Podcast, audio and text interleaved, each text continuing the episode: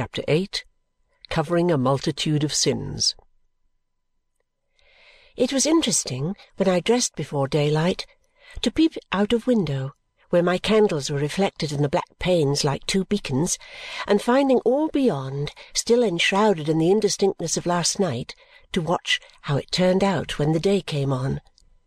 As the prospect gradually revealed itself and disclosed the scene over which the wind had wandered in the dark, like my memory over my life, I had a pleasure in discovering the unknown objects that had been around me in my sleep. At first they were faintly discernible in the mist, and above them the later stars still glimmered. That pale interval over, the picture began to enlarge and fill up so fast that at every new peep I could have found enough to look at for an hour. Imperceptibly my candles became the only incongruous part of the morning. The dark places in my room all melted away, and the day shone bright upon a cheerful landscape, prominent in which the old Abbey church, with its massive tower, threw a softer train of shadow on the view than seemed compatible with its rugged character. But so from rough outsides, I hope I have learnt, serene and gentle influences often proceed. Every part of the house was in such order and every one was so attentive to me that I had no trouble with my two bunches of keys, though what with trying to remember the contents of each little store-room drawer and cupboard, and what with making notes on a slate about jams, and pickles, and, and preserves, and bottles, and glass, and china, and a great many other things, and what with being generally a methodical, old-maidish sort of foolish little person, I was so busy that I could not believe it was breakfast time when I heard the bell ring. Away I ran, however, and made tea, as I had already been installed into the responsibility of the teapot. And then, as they were all rather late and nobody was down yet, I thought I would take a peep at the garden and get some knowledge of that too. I found it quite a delightful place. In front, the pretty avenue and drive by which we had approached, and where, by the by, we had cut up the gravel so terribly with our wheels that I asked the gardener to roll it. At the back, the flower garden, with my darling at her window up there, throwing it open to smile out at me as if she would have kissed me from that distance. Beyond the flower garden was a kitchen garden, and then a paddock, and then a snug little rick yard, and then a dear little farm-yard. As to the house itself, with its three peaks in the roof, its various shaped windows, some so large, some so small, and all so pretty, its trellis work against the south front for roses and honeysuckle, and its homely, comfortable, welcoming look, it was, as Ada said when she came out to meet me with her arm through that of its master, worthy of her cousin John. A bold thing to say, though he only pinched her dear cheek for it. Mr. Skimpole was as agreeable at breakfast as he had been overnight. There was honey on the table, and it led him into a discourse about bees.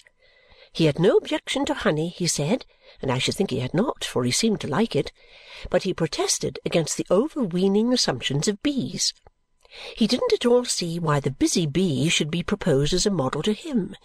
He supposed the bee liked to make honey, or he wouldn't do it. Nobody asked him. It was not necessary for the bee to make such a merit of his tastes. If every confectioner went buzzing about the world, banging against everything that came in his way, and egotistically calling upon everybody to take notice that he was going to his work and must not be interrupted, the world would be quite an unsupportable place.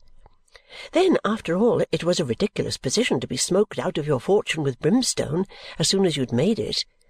You would have a very mean opinion of a Manchester man if he spun cotton for no other purpose. He must say he thought a drone the embodiment of a pleasanter and wiser idea. The drone said unaffectedly, "You will excuse me. I really cannot attend to the shop.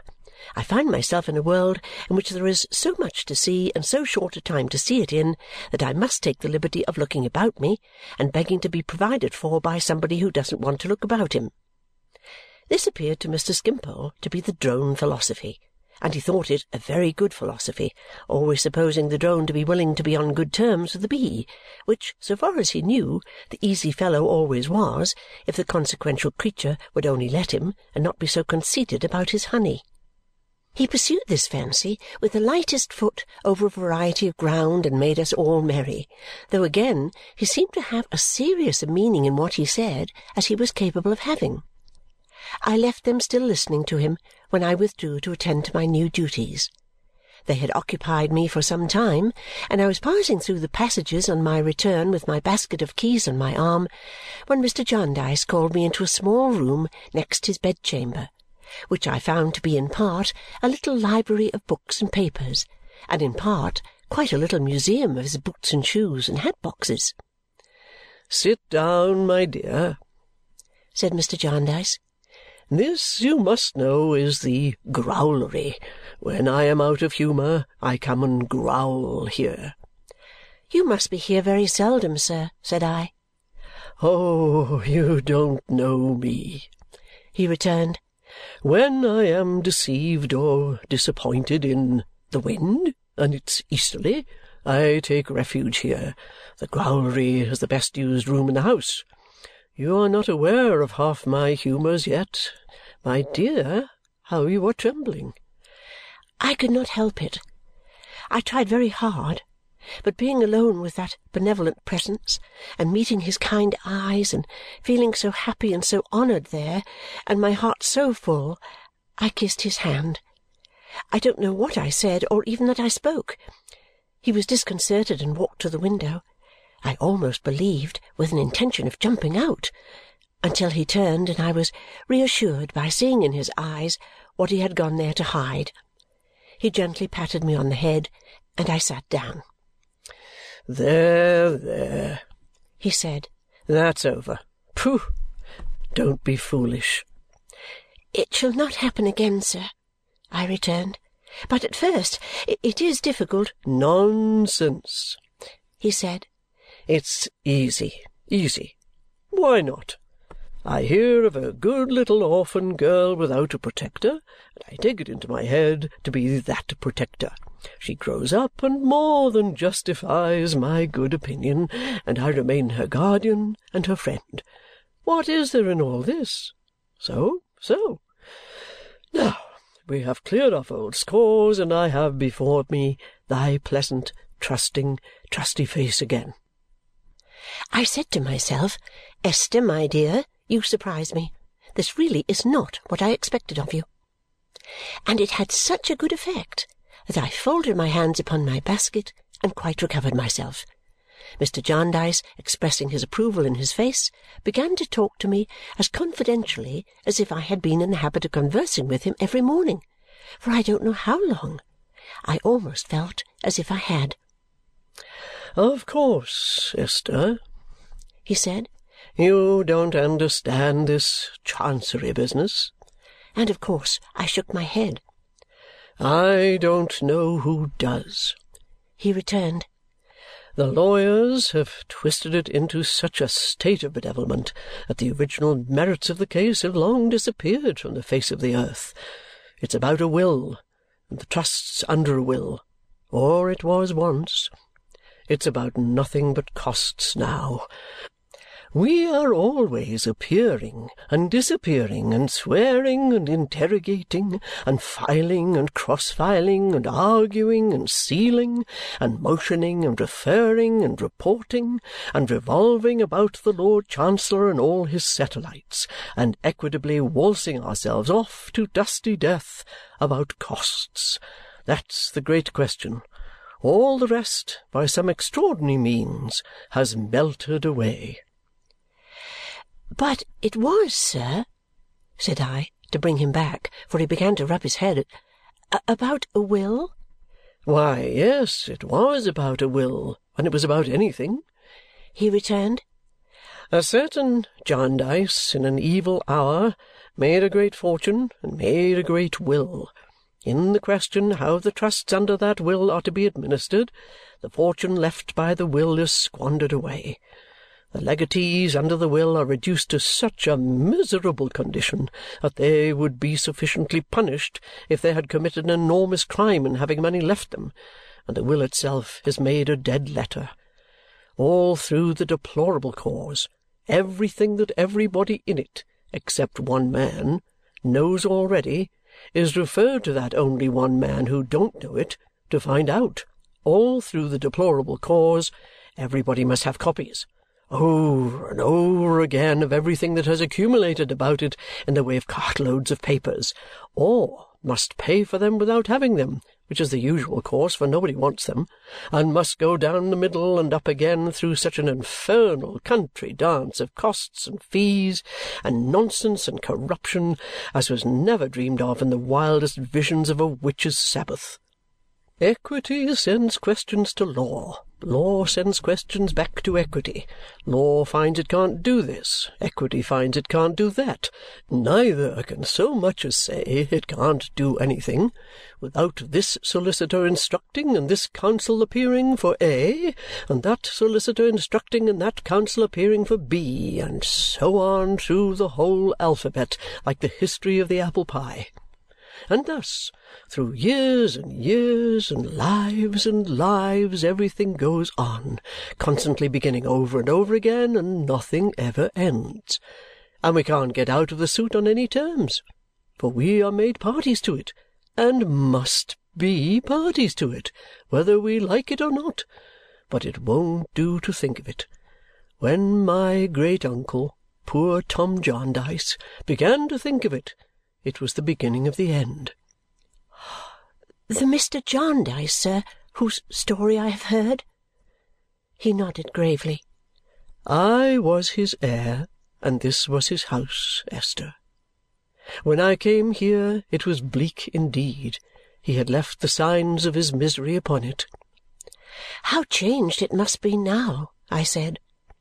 It had been called before his time the Peaks he gave it its present name and lived here shut up day and night, poring over the wicked heaps of papers in the suit and hoping against hope to disentangle it from its mystification and bring it to a close. In the meantime the place became dilapidated. The wind whistled through the cracked walls, the rain fell through the broken roof, the weeds choked the passage to the rotting door. When I brought what remained of him home here, the brains seemed to me to have been blown out of the house too, it was so shattered and ruined. He walked a little to and fro after saying this to himself with a shudder, and then looked at me, and brightened, and came and sat down again with his hands in his pockets. I told you this was the growlery, my dear. Where was I? I reminded him at the hopeful change he had made in Bleak House. Bleak House, true. There is in that city of London there some property of ours which is much at this day what Bleak House was then. I say property of ours, meaning of the suits, but I ought to call it the property of costs, for costs is the only power on earth that will ever get anything out of it now or will ever know it for anything but an eyesore and a heartsore. It is a street of perishing blind houses, with their eyes stoned out, without a pane of glass, without so much as a window frame, with the bare blank shutters trembling from their hinges and falling asunder, the iron rails peeling away in flakes of rust, the chimneys sinking in, the stone steps to every door, and every door might be death's door, turning stagnant green, the very crutches on which the ruins are propped decaying. Although Bleak House was not in Chancery, its master was, and it was stamped with the same seal. These are the Great Seal's impressions, my dear, all over England. The children know them. How changed it is! I said again. Why, so it is, he answered much more cheerfully. And it is wisdom in you to keep me to the bright side of the picture. The idea of my wisdom! These are things I never talk about or even think about, excepting in the growlery here. If you consider it right to mention them to Rick and Ada, looking seriously at me, you can. I leave it to your discretion, Esther. I hope, sir, said I. I think you had better call me guardian, my dear. I felt that I was choking again I taxed myself with it. Esther, now you know you are. When he feigned to say this slightly, as if it were a whim instead of a thoughtful tenderness, but I gave the housekeeping keys the least shake in the world as a reminder to myself, and folding my hands in a still more determined manner on the basket, looked at him quietly. "I hope, guardian," said I, "that you may not trust too much to my discretion. I hope you may not mistake me. I am afraid it will be a disappointment to you to know that I am not clever, but it really is the truth, and you would soon find it out if I had not the honesty to confess it." He did not seem at all disappointed. Quite the contrary. He told me, with a smile all over his face, that he knew me very well indeed and that I was quite clever enough for him. "I hope I may turn out so," said I, "but I am much afraid of it, guardian. You are clever enough to be the good little woman of our lives here, my dear," he returned playfully.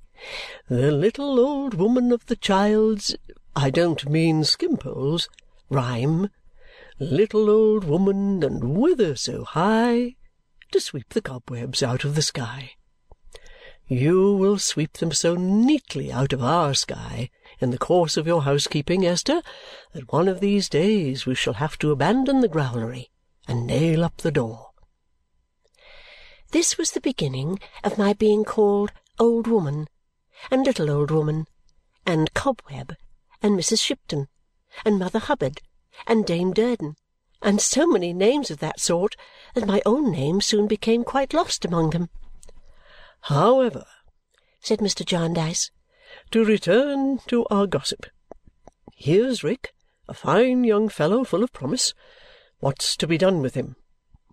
Oh, my goodness! The idea of asking my advice on such a point!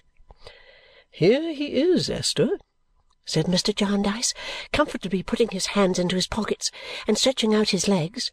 "He must have a profession. He must make some choice for himself. There will be a world more wiglomeration about it, I suppose, but it must be done." "More what, guardian?" said I. "More wiglomeration," said he. "It's the only name I know for the thing. He is a ward in Chancery, my dear. Kenge and Carboy will have something to say about it. Master somebody a sort of ridiculous sexton digging graves for the merits of causes in a back room at the end of Quality Court. Chancery Lane will have something to say about it. Counsel will have something to say about it. The Chancellor will have something to say about it. The satellites will have something to say about it. They will all have to be handsomely feed, all round, about it. The whole thing will be vastly ceremonious wordy, unsatisfactory, and expensive, and I call it, in general, wiglomeration. How mankind ever came to be afflicted with wiglomeration, or for whose sins these young people ever fell into a pit of it, I don't know. So it is.